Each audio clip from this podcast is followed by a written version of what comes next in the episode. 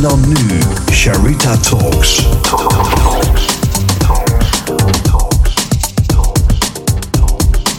Sharita Talks. Embrace your vulnerability.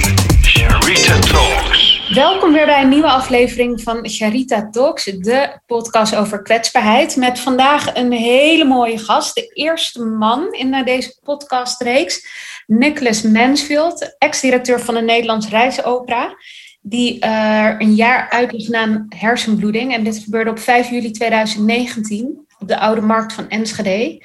Uh, zag een publiek van duizend man hoe de directeur van de Nederlands Reisopera in elkaar zakte terwijl hij een zomerconcert aan elkaar praatte.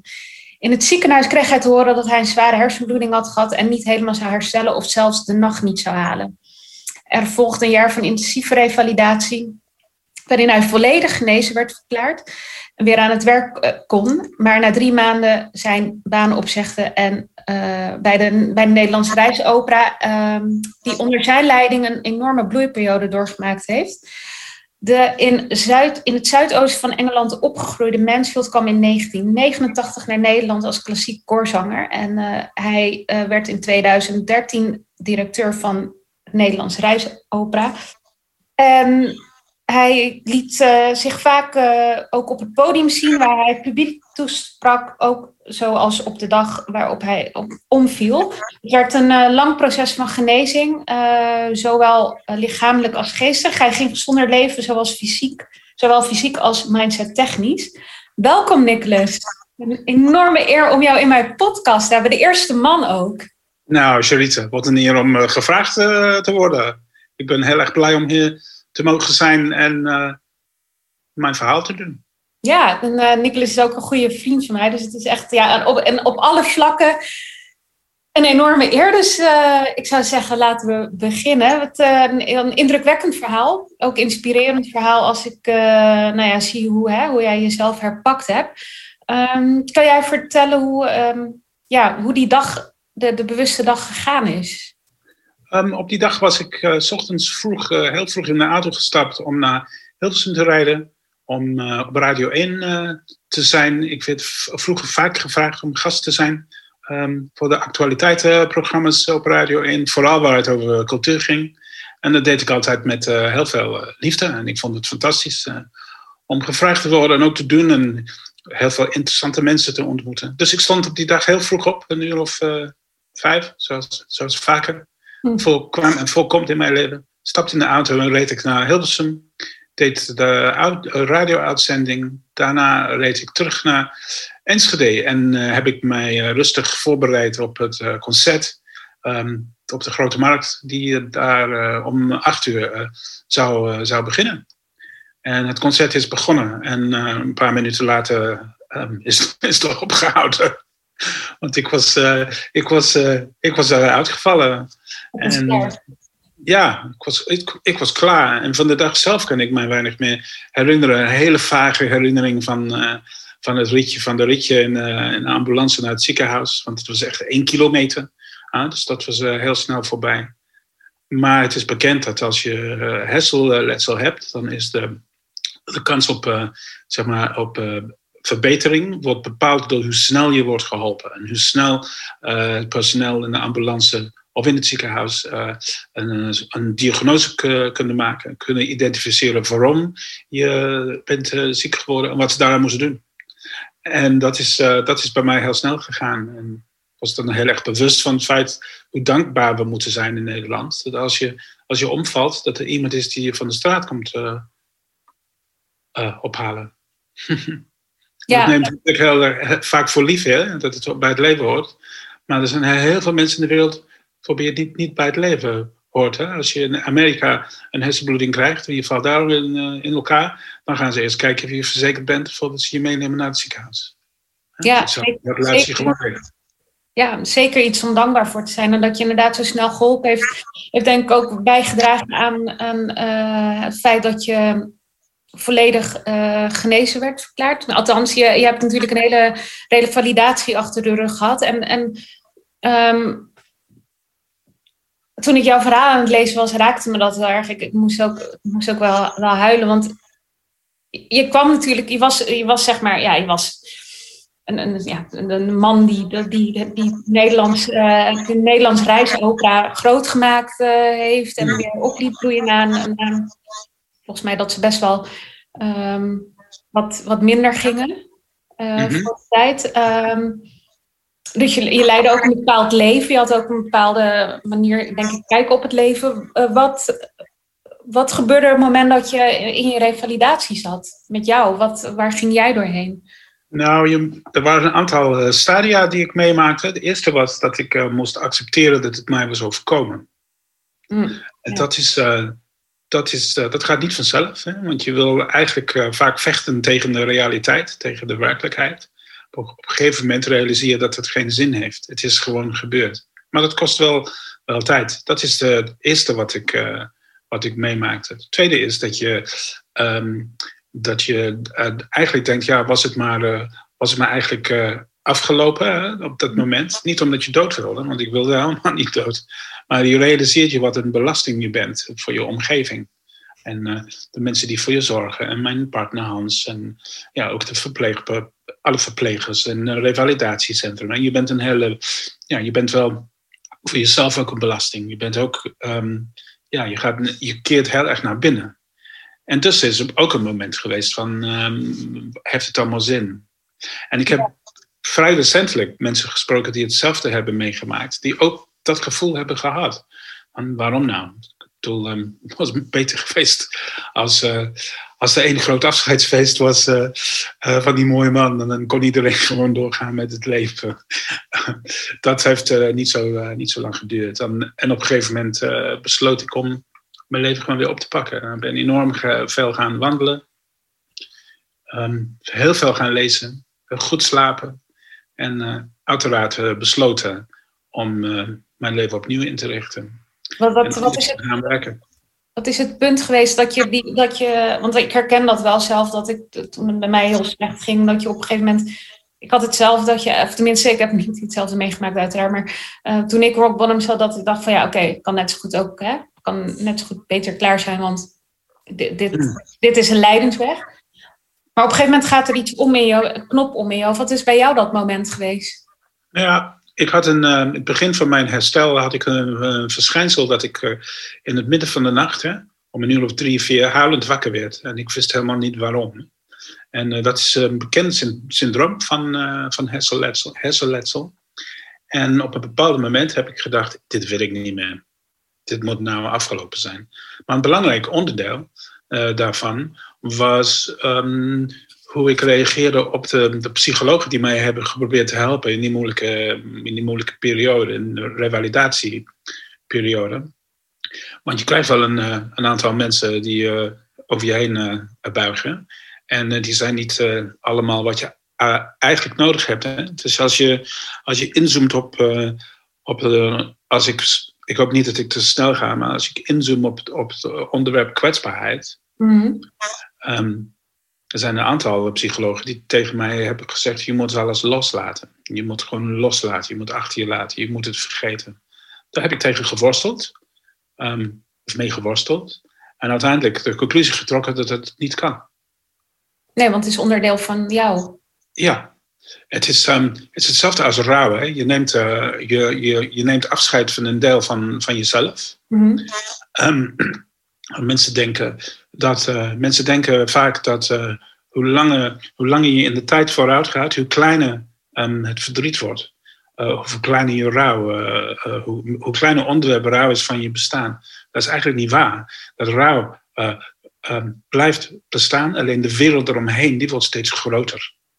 Oh, dat zeg je maar. Ik, toevallig zag ik laatst een hele mooie beschrijving daarvan. Dan hadden ze zo'n. Um, ja, de luisteraars kunnen nu niet zien wat ik bedoel, maar ik probeer het even uit te leggen. Een, een potje, inderdaad. En dan zag je dat zwart bolletje, dat was dan rauw. Maar dat bolletje bleef hetzelfde. Alleen het potje eromheen wordt groter. Dus je weet steeds ja. beter hoe je ermee om kan gaan. En dat is in jouw geval dus ook zo geweest. Qua het omarmen van die ja, ik heb altijd, um, ik heb altijd uh, mij verzet tegen het idee van loslaten. En ik heb voor mijzelf het idee ontwikkeld van anders vasthouden. Nou, als, je, als je, zoals ik zo lang heb gewerkt bij zo'n bedrijf als directeur, helemaal uit de, de grond hebt getrokken. vanwege een uh, subsidiekorting van meer dan 60 procent. Dat 75 van de 100 personeel uh, naar huis uh, gestuurd is omdat er geen um, begroting, geen geld meer was om hen aan het werk te houden. Ja, als, je, als je zoiets hebt gedaan en als je dat op een bepaald moment daar afscheid van neemt, zij het tijdelijk of zij het langdurig, dan kan je dat niet vergeten. Dat kan je niet loslaten. Het is een, het is een onderdeel van je bestaan. Het is hetzelfde als een, een, dierbare doodgaat. Je kunt het niet los. Je kunt haar of hem niet loslaten. Maar je kunt het wel anders vasthouden. En je kunt wel een communie, een soort, misschien zelfs een spirituele communicatieve verbinding houden met wat je gedaan hebt en met wie je dat gedaan hebt. Maar vergeten doe je het nooit. Nee, mooi gezegd. Uh, het omarmen van de pijn. Ja, omarmen van de werkelijkheid. Werkelijkheid, ja. En, en je zei net uh, van hè, een onderdeel van je validatie is geweest wandelen en, en, en lezen. Um, wat daarbij tot inzicht gekomen? Kan je daar wat over delen? Ja, in, in het begin van de revalidatie van zoiets is het heel belangrijk om de prikkels van buiten te, uh, te proberen te vermijden.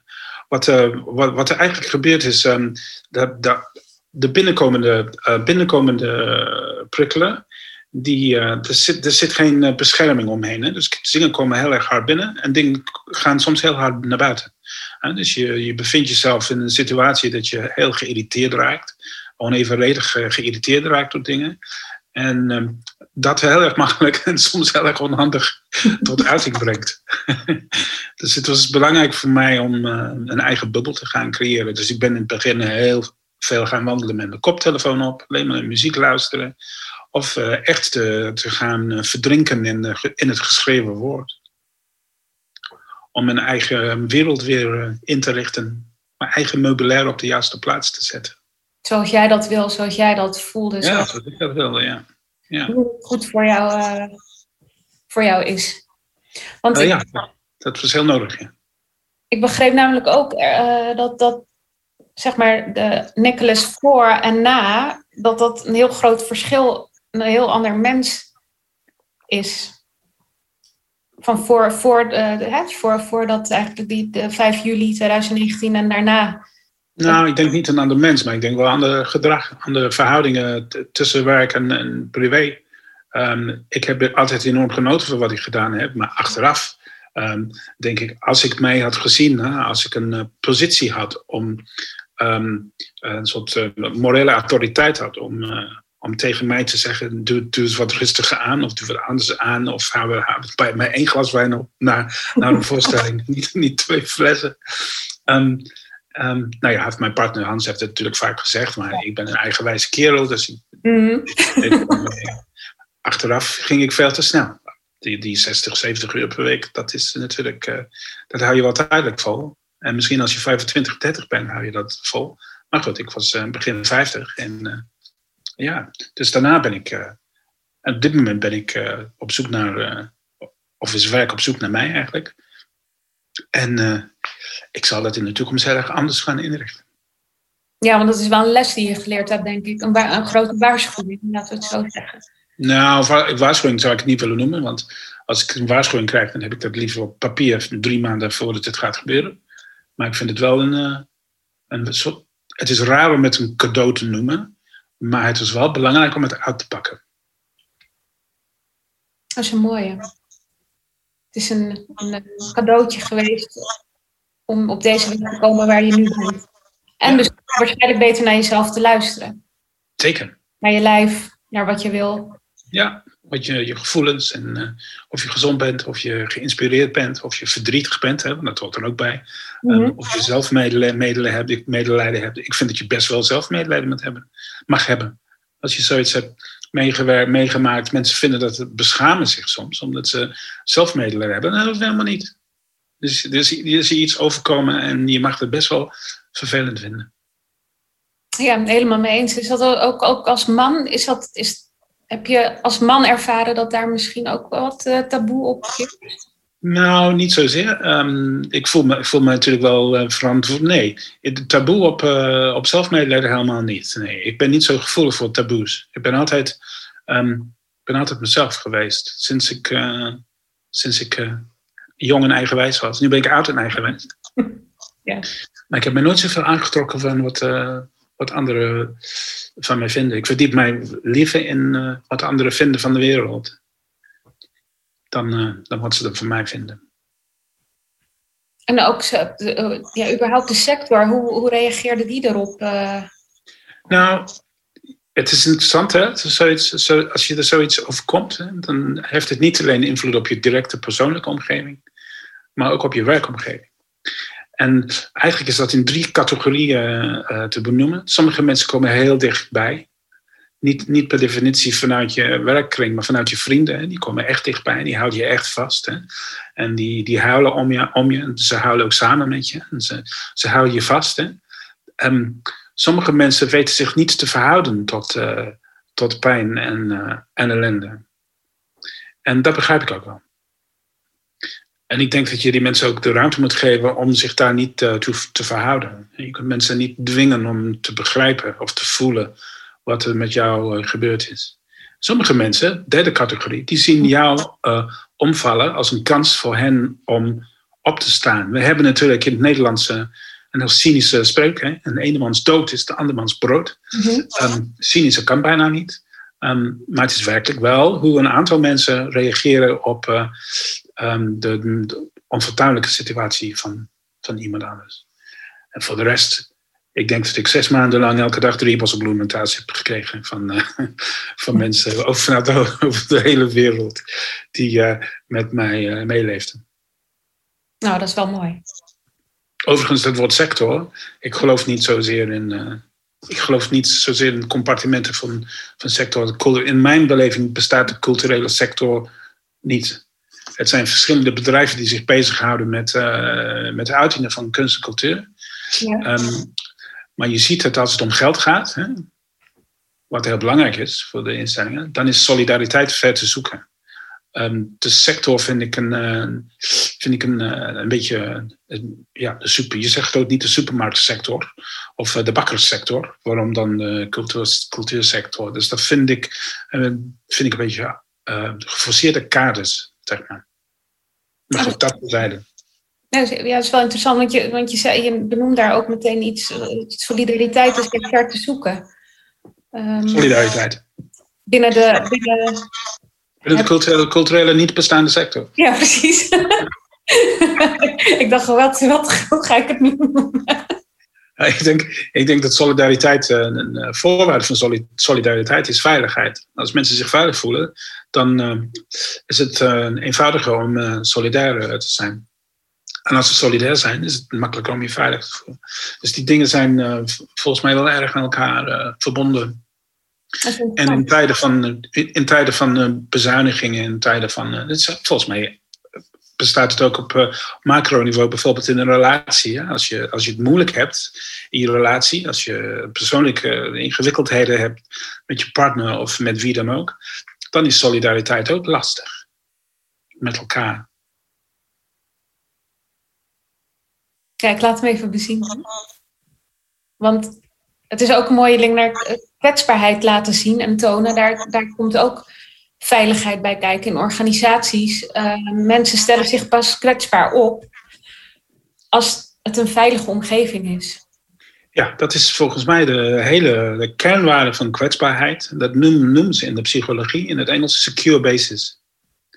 En zonder dat, je een, eh, zonder dat jij een, eh, een secure base hebt, een veilige plek om eh, terug te, op terug te vallen, ehm, kan jij het niet veroorloven om kwetsbaar te zijn. Als jij een alleenstaande moeder bent ehm, en je moet van 75 euro per week leven en je hebt ruzie met iedereen tot en met de Belastingdienst, dan vind jij het helemaal niet leuk om kwetsbaar te zijn. Nee, Dus zonder die, zonder die, eh, en die, die secure base, dat kan, dat kan van alles zijn. Hè? Dat, kan, eh, dat kan een tuin zijn, dat kan een, een, een knuffel zijn, dat kan een soort muziek zijn. Ehm, dat kan van alles zijn, maar het moet wel iets zijn waar je op terug kunt vallen.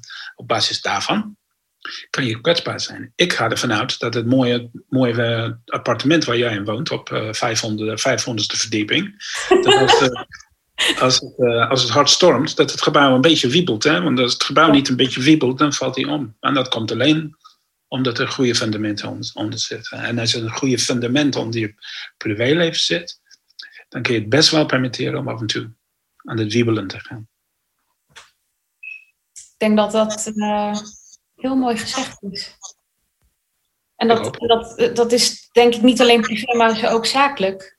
Mm Het heeft met allebei te maken dat je, dat je dat het, dat het veilig moet voelen. En uh, ik denk in jouw situatie ook dat, dat jij veilig, je veilig voelde bij Hans, omdat dat je op hem kon bouwen op dat moment. Ja, dat is uh, ontzettend belangrijk om dat, uh, om dat te hebben. Ik weet niet of ik het gehaald heb, had als ik Hans en een aantal andere mensen om me heen had. Nee, dan zag, zag het er heel anders uit. Want ik was in het begin niet in, eens in staat om mijn vaatwasser in te ruimen. Je moet nagaan. Ja, over kwetsbaar gesproken. Dat, dat, dat, dat, je was op je meest kwetsbaar daar. Uh, en je had hulp nodig. Was dat lastig voor je? Om, te, om uh, daaraan toe te geven dat je hulp nodig had? Um, nee, volgens mij is dat de mooiste vraag wat je kunt stellen, is uh, help. Ja, eens. Maar heel veel mensen doen het niet, hè? Nee, heel veel mensen vinden dat ze, dat ze zichzelf moeten, moeten redden. En dat leidt natuurlijk tot, tot een binnen, naar binnen gekeerde kwetsbaarheid. Die, uh, als je niet. Ik weet nog heel goed, um, toen, uh, toen zo gekort werd in 2060. 60, 2000, 2013. Met 60 procent. En dat de tijden zo moeilijk waren. Ik heb besloten om niet iedereen te vertellen hoe belangrijk wij waren, maar hoe ontzettend misbaar wij waren. Oeh. Ja, in de zin van, als, de, als het bedrijf morgen uh, ophoudt te bestaan, dan draait de wereld nog steeds rondjes. Alles is misbaar. Iedereen is misbaar. Daarmee kom je, breng je jezelf in een, relativeer jezelf niet weg, maar wel naar de werkelijkheid en realiteit toe. Um, dus het, het, overdreven serieus nemen van jezelf, dat leidt ook tot uh, verkrampte emoties. En dat heeft ook met kwetsbaarheid te maken. Dus ik stelde de, het bedrijf zowel intern als extern in de, media als kwetsbaar op. Waarmee je een, een heel sterke verbinding krijgt met de mensen om je heen. Want die zien, ja, die zien de, de, de, het accepteren van, uh, van, van de werkelijkheid en de, fijnmazig, de fijnmazigheid van de emoties die daaromheen uh, gebouwd worden. Dus als je een eigen bedrijf hebt en je hebt een eigen bedrijf in uh, deze moeilijke tijden, er zijn heel veel mensen die zich zorgen maken over waar het allemaal heen gaat. Die zorgen zijn terecht, maar de symptomen van de zorgen moeten wel correct zijn. Die moeten wel gebaseerd op een open hart. Dus ik heb veel geleerd over conflicten. Ja? Je kunt best wel een, er is niks mis met een conflict. Alleen, je moet conflict ingaan met een open hart. En leg de, uh, kan je een voorbeeld noemen? Um, ja, zometeen. Op het moment dat een conflict um, uh, zich ombuigt in strijd, dan heb je wel een, uh, dan heb je wel een probleem. Ja, dus de, het nuanceverschil tussen conflict en strijd is natuurlijk wel heel erg, heel erg belangrijk. Nou ja, als je zo'n reorganisatie meemaakt, mm -hmm. dan krijg je vanzelfsprekend conflicten. Omdat, om sommige, omdat sommige mensen uh, moet gaan. Um, en dat is sowieso pijnlijk. Hè? Niet alleen voor hen, maar ook voor de, ene, voor de mensen die dat moeten organiseren. Sommigen moeten blijven. Dus dat je conflicten krijgt, is, is volstrekt logisch. En de kunst is om die conflicten niet te, te laten ombuigen of de afslag, zeg maar, strijd te nemen. Want dan heb je over een heel andere, een heel andere dynamiek. Maar er is niks mis met conflicten. Ik vind, juist, ik vind niet dat je conflicten op moet zoeken. Maar ik vind wel dat je ze moet durven aangaan. Wel, wel met een open hart. Ja, dus wel luisteren naar wat de andere persoon ook te melden heeft. Zeker. Wat de andere persoon voelt. En dat de andere persoon zich dus veilig voelt om zich kwetsbaar op te stellen. Wat jij denk Zeker. ik wel erg mee hebt gemaakt. Toen ja, mensen misschien hebben moeten laten gaan in die periode. Nou ja, je, ik ben heel gevoelig voor, voor tone of voice. Dat vind ik heel belangrijk. En voor woordkeuze. Dus het is voor mij uh, heel belangrijk dat mensen de juiste woorden gebruiken. Anders raak ik in het defensief snel. Um, ik vind dat woorden met, met zorg gekozen moeten worden. En dat je daarmee ook een, een deel van je kwetsbaarheid uh, laat zien. Of, of je dat koestert. Dat je de, de, de, de schoonheid van, eh, van, van je woordkeuze. Keuze. En natuurlijk lukt het niet altijd. Het lukt mij zeker niet altijd. Maar dat is wel iets wat ik geleerd heb van al die honderden boeken die ik gelezen heb in de laatste twee jaar. Ja, want daar wilde ik, daar wilde ik eigenlijk nu naartoe, naar mindset. Want Mm. ik denk dat dat een hele mooie. Een hele mooie reis is die jij gemaakt hebt. Want de mindset die heb je, ik heb daar zoveel respect voor, hoe jij, hoe jij in het leven staat. Kan je, kan jij mij, eh, kan je ons vertellen ehm, ja, hoe dat, waar dat gestart is, welke boeken je gelezen hebt en, en, en wat je mindset, ja, hoe je nu in het leven staat? Ja, ik denk dat het eerste voor mij was belangrijk om eh, een beetje de neuropsychologische te, te accepteren en te begrijpen wat er gebeurd is hè, binnen, het fysieke. Je brein is geen spier die je kunt trainen. Je kunt wel eh, op een eh, MRI-scan zien eh, dat je een lelijke vlek hebt in je, onder, je, onder je schedel. Die lelijke vlek die, eh, die zal er altijd blijven. Dat wordt nooit, eh, nooit weer mooi. Maar het wonderlijke aan het mens, menselijke brein is, als je zoiets meemaakt, dat, ehm, dat er nieuwe snelwegen, er worden nieuwe snelwegen aangelegd in je brein. Dus in zekere zin herstelt het, eh, herstelt het wel. En dat was voor mij wel een belangrijke volgorde dit dingen, om, ehm, om dat te, te accepteren. Om dat, eh, daar inzichten over te, over te krijgen, hoe dat, eh, hoe dat feitelijk werkt. En dat was heel interessant. En daarna maak je een verbinding met je emoties. En daarna lees je over de, de, de verhalen van, van andere mensen. En hoe andere mensen dat niet hebben gehaald. En hoe andere mensen dat wel hebben gehaald. En ja, in, uh, in, in het lezen van de boeken verdwijn je niet alleen in, uh, in de gedachten van anderen.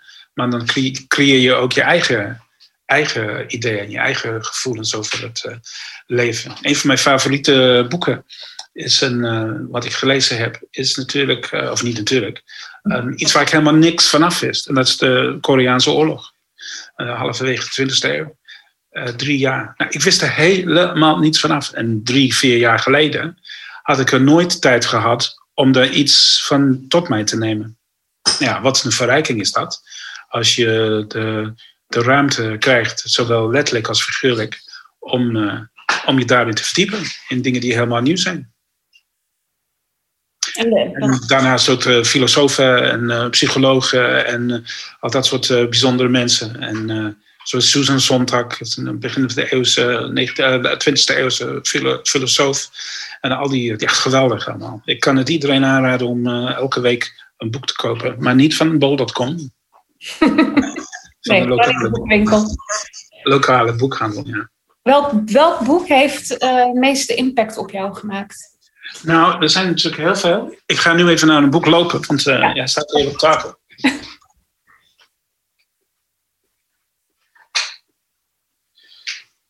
Dit is een, uh, is een boek en het heet Een schitterend vergeten leven. En dat is een, uh, een verhaal over een, een dame. Ze heet Frida Bellinfante. En zij was een, een Joodse heldin. En zij zat bij het Verzet in Amsterdam. En zij heeft uh, werkelijk heel, heel moedige dingen gedaan. Ze heeft meegewerkt aan het opblazen van het stadsarchief. Bijvoorbeeld met alle gegevens van, uh, van de Joodse bevolking van de stad. Maar ze was ook lesbisch. En zij was ook uh, dirigente. En dit is een prachtig verhaal van haar leven. Die eindigde in de Verenigde Staten. Een gegeven moment gaat ze naar Amerika. Maar het is een geweldig uh, opgeschreven verhaal van een, uh, van een vrouw met onwaarschijnlijk veel moed en, uh, en inzicht in het leven. En het omschrijft heel erg goed hoe, hoe, um, hoe antisemitisch um, een, een deel van, van de bevolking in Amsterdam was. Hè. De organisaties, bijvoorbeeld het, het Concertgebouworkest en hoe de Joodse muzici op een gegeven moment daar ook niet meer welkom waren. En, -hmm. Ja, dat heeft heel veel, dat, dat heeft veel, heel veel verbinding met onze huidige tijd. Hè. En dat is wel iets om. Uh, dus een, een, boek over uh, iemand uit het verleden met historische waarde heeft bijna altijd een verbinding met het heden. Dus dit is een prachtig, prachtig boek en ik kan het iedereen. Uh, ja, ik heb geen aandelen. Maar het heet een, een, een schitterend vergeten leven, de eeuw van Frida Bellinfante. Mooi, ik zal hem ook uh, meenemen in de. Mensen het kunnen vinden. Ja. En, um, en echt, uh, en boeken, um, ik, ik, weet namelijk wel inderdaad dat jij heel veel leest. En uh, ik krijg vaak ook mooie titels doorgestuurd voor jou. Um, welk boek zou je aanraden wat mindset betreft, waar jij heel veel aan gehad hebt? Dus, uh, of waar jij jezelf in herkent, dat je denkt van ja, dat... Ja. Je staat weer op. nou, dat is een mooie pauze, toch? Voor de laatste raad. Om even op adem te komen. Voor mensen die Engels uh, lezen, hè? Ja. Want ik, dat is wel mijn moedertaal, Engels. En ik lees zowel in het Engels als, uh, als het Nederlands. En uh, eigenlijk, vind ik het, eigenlijk vind ik het makkelijker om in het Nederlands te lezen. Na 30 jaar hier geleefd te hebben. Maar af en toe pak je een Engelse boek en denk je, ja, dat, dat raakt toch anders. de, klanken van de Engelse taal. Ik had er gisteravond toevallig met een vriend van mij erover. En we waren wat gekke gedichten in elkaar heen en weer aan, aan, het, aan het sturen, versturen. En dan, je merkt toch dat, dat de wendbaarheid van de taal waarmee je bent opgegroeid, dat het toch, toch anders is dan wat je aangeleerd hebt op uh, latere leeftijd. Maar um, ik, ik klets een beetje door. De, um, Heel mooi. Boek heet The School of Life. Ik doe even mijn bril op. Dat kunnen jullie natuurlijk niet zien.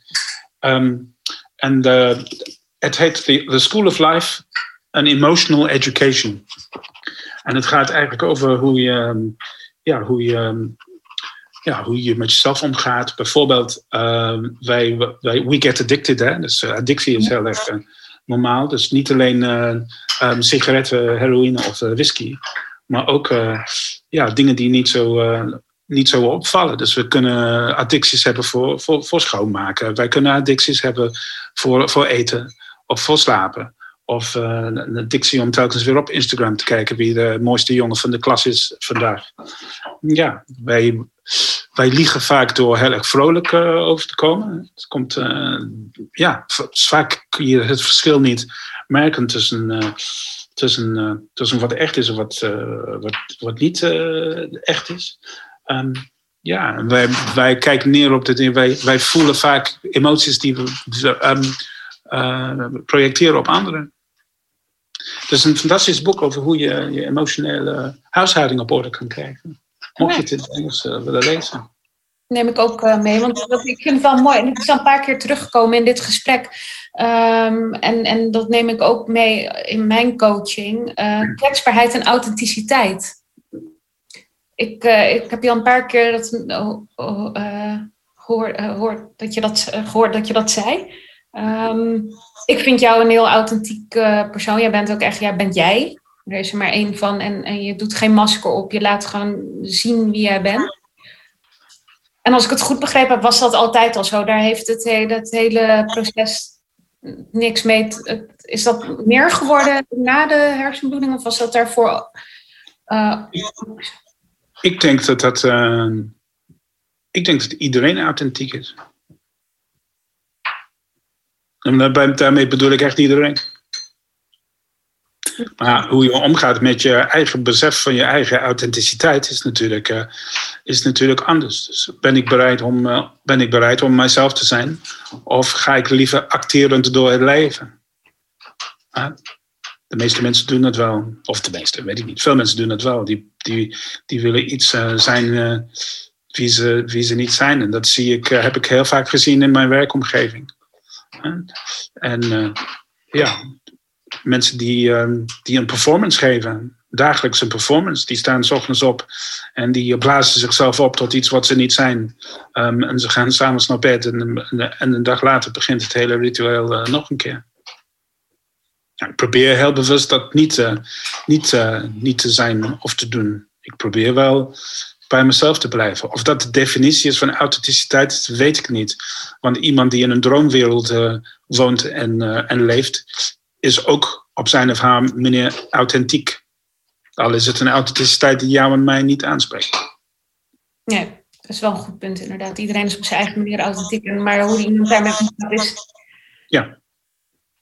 Ja, ik denk dat je, ik denk dat je, dat je sneller, met mensen zoals jij en ik, sneller een connectie krijgen met mensen die, um, die zijn zoals ze zijn. In de zin van wat open, open en uh, ja, bereid om, uh, om goed gesprek te voeren. En luisteren in plaats van horen. En voelen in plaats van aanraken. Helemaal Het is heel makkelijk om, eh, heel makkelijk om dingen aan te om, heel makkelijk om dingen te horen.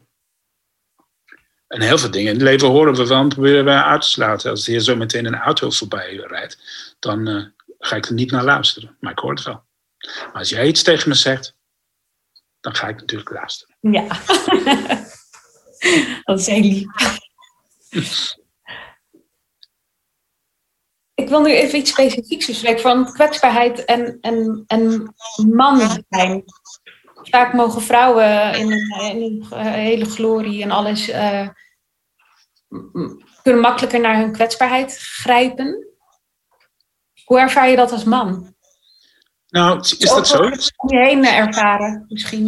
Nou ja, er is natuurlijk een. eh, ik, zit in een eh, ik, zit, ik zat en ik zit natuurlijk in een werkomgeving waar het, eh, om het heel cru en kort door de bocht te zeggen, dat het eenvoudiger is om open te zijn over, over je seksuele voorkeur. In de zin van als je homoseksueel bent, je werkt in de, in de kunst en cultuur, is het wellicht ehm, minder ingewikkeld om dat te uiten ehm, dan wanneer je in een, in een, weet in een bank of een verzekeringskantoor of, eh, of bouwvakker bent, bijvoorbeeld.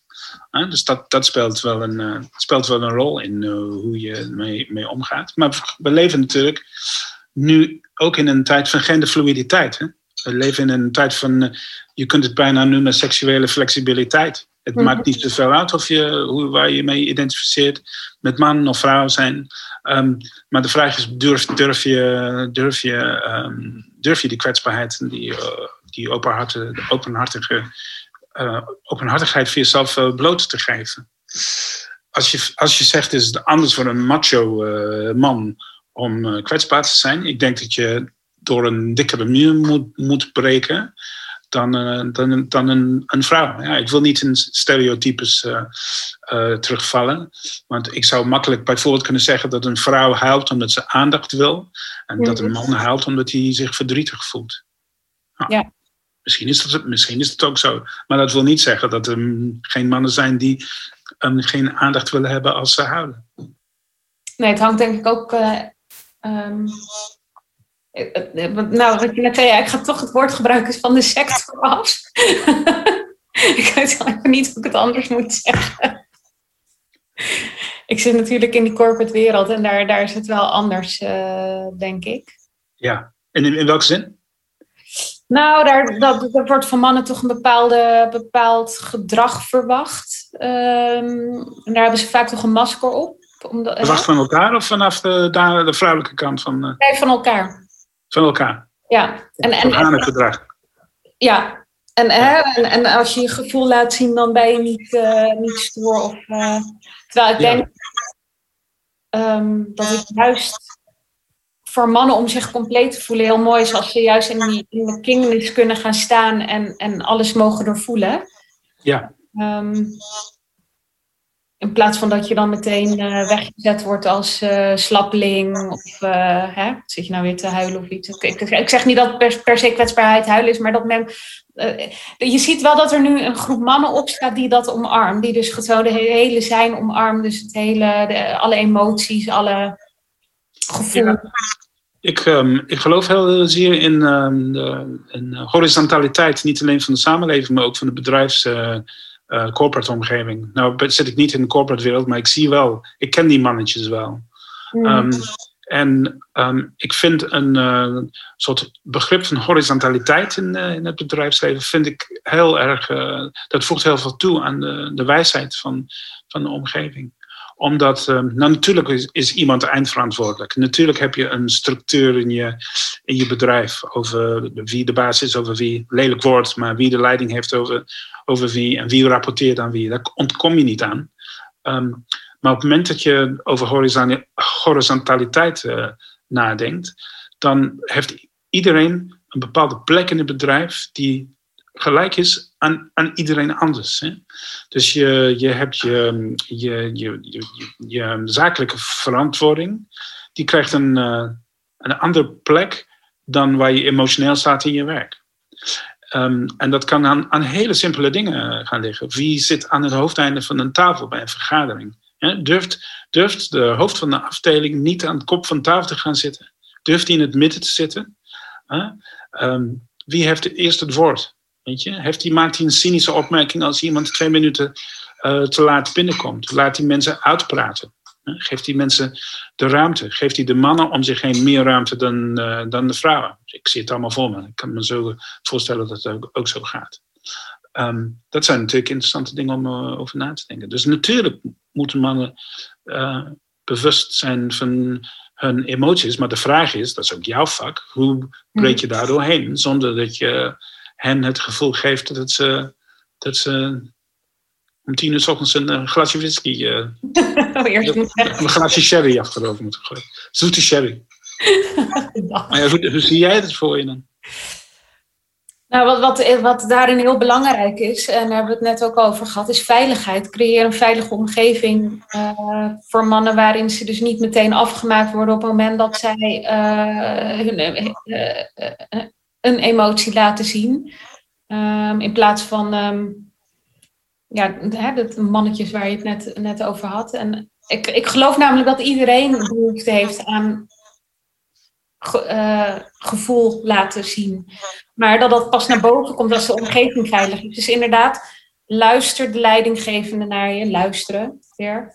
Creëert een veilige omgeving. En wordt er ook iets gedaan met hetgeen wat jij dan op dat moment eh, eh, vertelt. Dus van ik voel dit. Hè, dat komt uit jou. En, en dat, dat, dat, de leidinggevende daar ook mee om kan gaan in die zin dat ze dus zich niet aangevallen voelen. Maar dat ze denken van oké, hier speelt iets, laten we daar naar luisteren, laten we kijken naar een oplossing. Eh, En ehm, mannen en vrouwen hebben dat nodig overigens. Maar goed, je ziet vaak toch wel in, in de corporate wereld dat dat lastig is. Ik zou me kunnen voorstellen dat mannen in de corporate wereld wel veel emoties hebben, maar die pas eh, tot uiting komen als ze thuis zijn. Mhm. En dat vrouwen eerder geneigd zijn om op het werk eh, eerlijk te zijn over hoe ze zich voelen. Ja. Je ziet wel dat er, dat er, dat er een verschuiving aan het plaatsvinden is, eh, langzamerhand. Ehm, en dat mannen daar ook wel steeds meer behoefte aan Ja, ik kom natuurlijk uit de semi-publieke sector. En daar Ja. zijn andere onderwerpen tegenwoordig wel belangrijk, hè? zoals diversiteit en inclusiviteit. Hè? En eh, ik denk dat we een, tot op heden misschien, misschien heb ik het fout hoor, maar dat het minder een, eh, een prominente rol heeft in de corporate wereld. Maar het komt zeker op de hele, de hele samenleving af. Hè? Het betekent dat je, je kunt namelijk niet een beetje divers zijn of een beetje inclusief zijn. Je moet, of je bent het of je niet, of je bent het niet. Dat betekent equal opportunities. Mhm. Dat betekent dat ehm, iedereen ja, afgerekend moet worden op talent. Eh, en niet alleen op, eh, niet alleen op eh, nou ja, dat hele lange lijst van politieke correcte dingen. Ehm, als je in een bedrijf werkt waar die dingen allemaal bespreekbaar zijn, dan komt er heel veel los. Maar dat, moet, dat is echt top-down. De, de, de leiding van een, van een bedrijf moet echt een goede voorbeeld geven. En er moet een veilige omgeving creëren, zoals jij het zegt. Dat mensen zich ehm, vrij voelen om eh, uit te spreken zonder dat ze daarop, daarop eh, afgerekend worden. Ja. Of geïntimideerd. Of daarover geroddeld wordt. Dus in die zin heeft eh, elk bedrijf een, eh, een kundige psycholoog die eh, nodig. Die, ja, ik ken veel van die bedrijfspsychologen.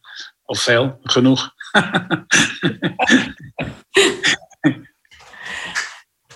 Ja, het, eh, het begint te schuiven, maar er is nog een weg te gaan. Het is een hele, hele journey. Ehm, dan heb ik nog een laatste vraag voor jou. Wat betekent kwetsbaarheid voor jou? Een kamer binnenlopen en het licht uitdoen. Ik denk dat ik hem heb, maar leg, kan je hem uitleggen voor de, eh, voor de luisteraars? Ja, tuurlijk. Dat is, eh, dat is wat ik feitelijk gedaan heb toen ik besloten heb om eh, mijn leven anders te gaan, gaan, gaan leiden. Ja, het licht aan het einde van de tunnel is niet de trein die op je afkomt. Dat is heel mooi. En heel waar. En ik vond het voor mij heel, heel belangrijk om het grootste risico. eh, kijk, het grootste risico wat je nemen kunt is geen risico. Eens. En dat heeft met kwetsbaarheid te maken. Is het durven nemen van risico's. Uit je comfortzone. Ja, dat, uit je comfortzone. Dat je een steen in de lucht gooit en je ziet wel waar het landt. Mooi. En ik vind, dat vind ik heel erg belangrijk. Want het leven is geen eh, is geen eh, tom-tom. Het is geen navigatiesysteem. En hoe eerder je dat begrijpt, hoe meer je van het leven geniet ook. Want het is ook belangrijk om te genieten. Zeker. Ja, Maar dat, dat secure base is, is nogmaals is heel belangrijk. Je kunt niet alleen zeggen, ik neem risico's. Daarmee, anders ga je elke week naar de casino of, eh, of eh, ja, ga je uit een vliegtuig springen zonder parachute. Ja, nou, dat zou ik niet doen. Er moet wel een solide basis zijn op waarop. eh, dus dat is een, voor mij in ieder geval een essentiële kant van het hele begrip van, van kwetsbaarheid. Mooi. Dankjewel. Alsjeblieft. Ik wil je heel erg bedanken voor je, voor je tijd. En, eh, Ja. Nou, jij bedankt voor de mooie vragen. en eh, ik wil je een fijne dag wensen. Ja, en geheel wederzijds. En voor de luisteraars, eh, ik doe dus ook trajecten met mannen. Dus mocht je interesse hebben, stuur mij een berichtje via Instagram of via de e-mail die in de show notes staat. Ik wens jou een fijne dag. Dankjewel, Sweeten. Tot snel. Bye bye. Tot zover deze editie van Sharita Talks. Wil je meer weten? Ga dan naar completingthecircle.nl. Sharita Talks. Embrace your vulnerability. Sharita